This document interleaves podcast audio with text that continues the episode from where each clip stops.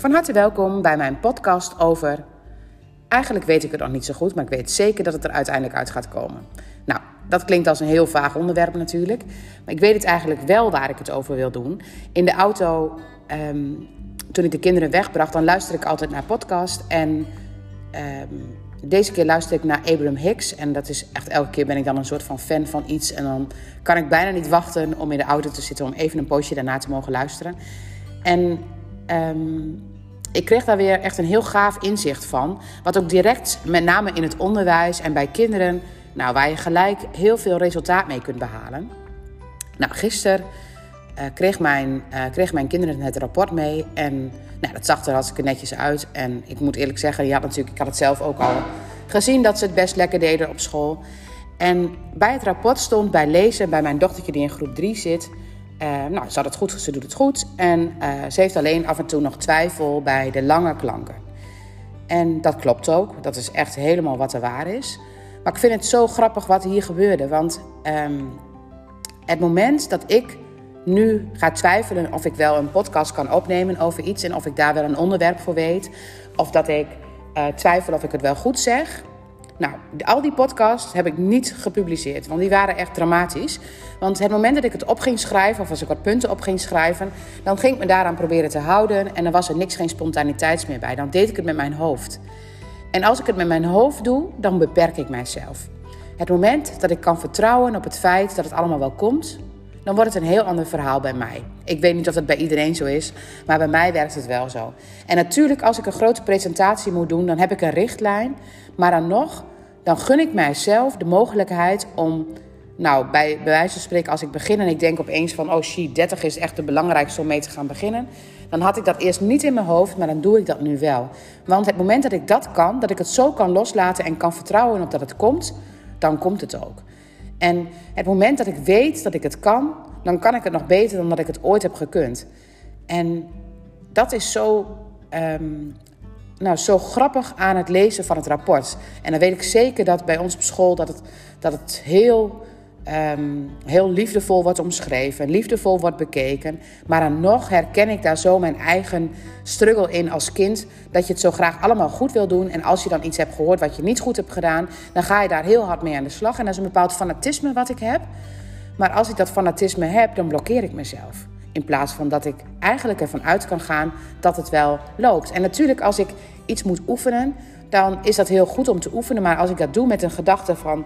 Um, het lukt me wel, dan is het wat anders als wanneer ik het doe met de gedachte: ik kan dat niet.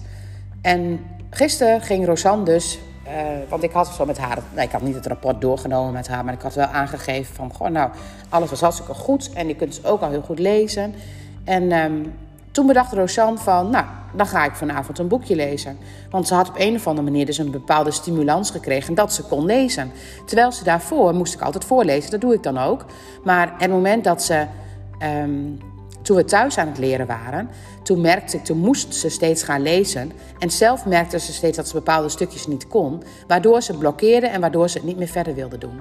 En nu, ze had op een of andere manier in haar hoofd dat, dat ze het kon. En ze zoekt een boekje uit die we al vaker hadden gelezen. En ze gaat boven naar bed zitten en ze heeft het hele boekje zelf voorgelezen. En eigenlijk er waren niet zo heel veel dubbele klanken, dat viel me nog op in het boekje. Dus het was wellicht een beetje een makkelijker boekje. Maar ze heeft niet één keer gestameld of getwijfeld. Zelfs de B en de D werden bijna niet omgedraaid. Terwijl die wel een paar keer daarvoor omgedraaid werden. Zij had in haar hoofd dat ze vertrouwen had. En ik weet zeker, had ze dat vertrouwen niet, dan had ze het lastiger gehad. Dan had ze moeilijker gelezen en had ze ook niet het hele boekje uitgelezen. Het vertrouwen hebben in jezelf en het vertrouwen hebben in het kunnen van jezelf, dat is zo essentieel en dat geeft zo ontzettend veel meerwaarde. Nou, als ik hier ouders heb met kinderen die op school uh, tegen dingen aanlopen, dan is alles wat er is, uh, dat is in elk geval geen vertrouwen. Een Um, je hebt als ouders van, je, van bijvoorbeeld de leerkracht te horen gekregen dat er, ik zeg maar wat, um, op school steeds incidentjes zijn. Ja, dan baal je daarvan. Dan wil je dat heel graag veranderen. En omdat je dat zo heel graag wil veranderen, geef je aandacht aan die incidenten. En wat ontstaat er? Nog veel meer incidenten. Want zo werkt de wet van de aantrekkingskracht. Dat is Abraham Hicks, wat ik vanmorgen luisterde. Dat wat je aandacht geeft, dat groeit. En niet kent ons systeem niet. Dus het is zo belangrijk om om te kunnen denken. Om te kunnen zien dat ehm, als er op het plein iets niet goed gaat, dan is het belangrijk om te zien wat gaat er dan niet goed. Of wat wil een kind daarmee laten zien. En ehm, in heel veel gevallen laat een kind daar iets mee zien en kun je daar weer stapjes verder mee. Een kind heeft daarin een brein die anders is dan ons brein. Wij denken, oh jee, allemaal opstootjes op het plein. Wat zal de juf niet van ons kind denken? Of wat zullen de ouders van die andere kinderen die wel eens ruzie met mijn kind hebben, denken van mijn kind? Of zal ze wel in de groep passen? Of zal er, nou weet je, we hebben allemaal overtuigingen, maar ons kind heeft die overtuigingen nog niet. Ons kind laat alleen maar gedrag zien wat op dat moment blijkbaar nodig is.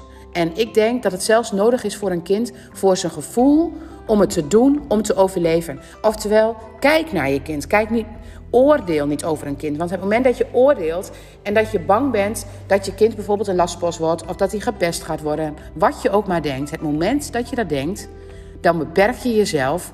En als je jezelf beperkt en als je die gedachten gaat hebben, dan is dat precies wat je aantrekt. Dus als ik naar het rapport kijk en ik denk opeens, omdat het zinnetje erbij staat, Rosanne kan nog geen dubbele klanken, dan kan mij dat blokkeren in mijn hoofd. En dan kan ik met haar een boekje pakken met heel veel dubbele klanken. Om het maar te gaan oefenen. En wat gebeurt er dan? Dan gaat het nog lastiger met Rosanne, want ze blokkeert op de dubbele klanken, want ze weet dat ze dat niet kan. Of ze voelt dat ze dat niet kan, waardoor het juist een negatieve spiraal geeft. En nu? Nu heeft ze het gevoel, ik kan lezen. En omdat ze kon lezen, wilde zij het boekje zelf voorlezen. En is ze vanmorgen met nog een extra boekje naar school gegaan, omdat ze die boekjes zo leuk vindt om te lezen. En dat is een hele andere energie. En dat is de energie van groeien. Dat is de energie van vertrouwen. Dat is de energie van ontwikkelen. En kijk je naar het drie breinen model, wat ik al vaker heb uitgelegd.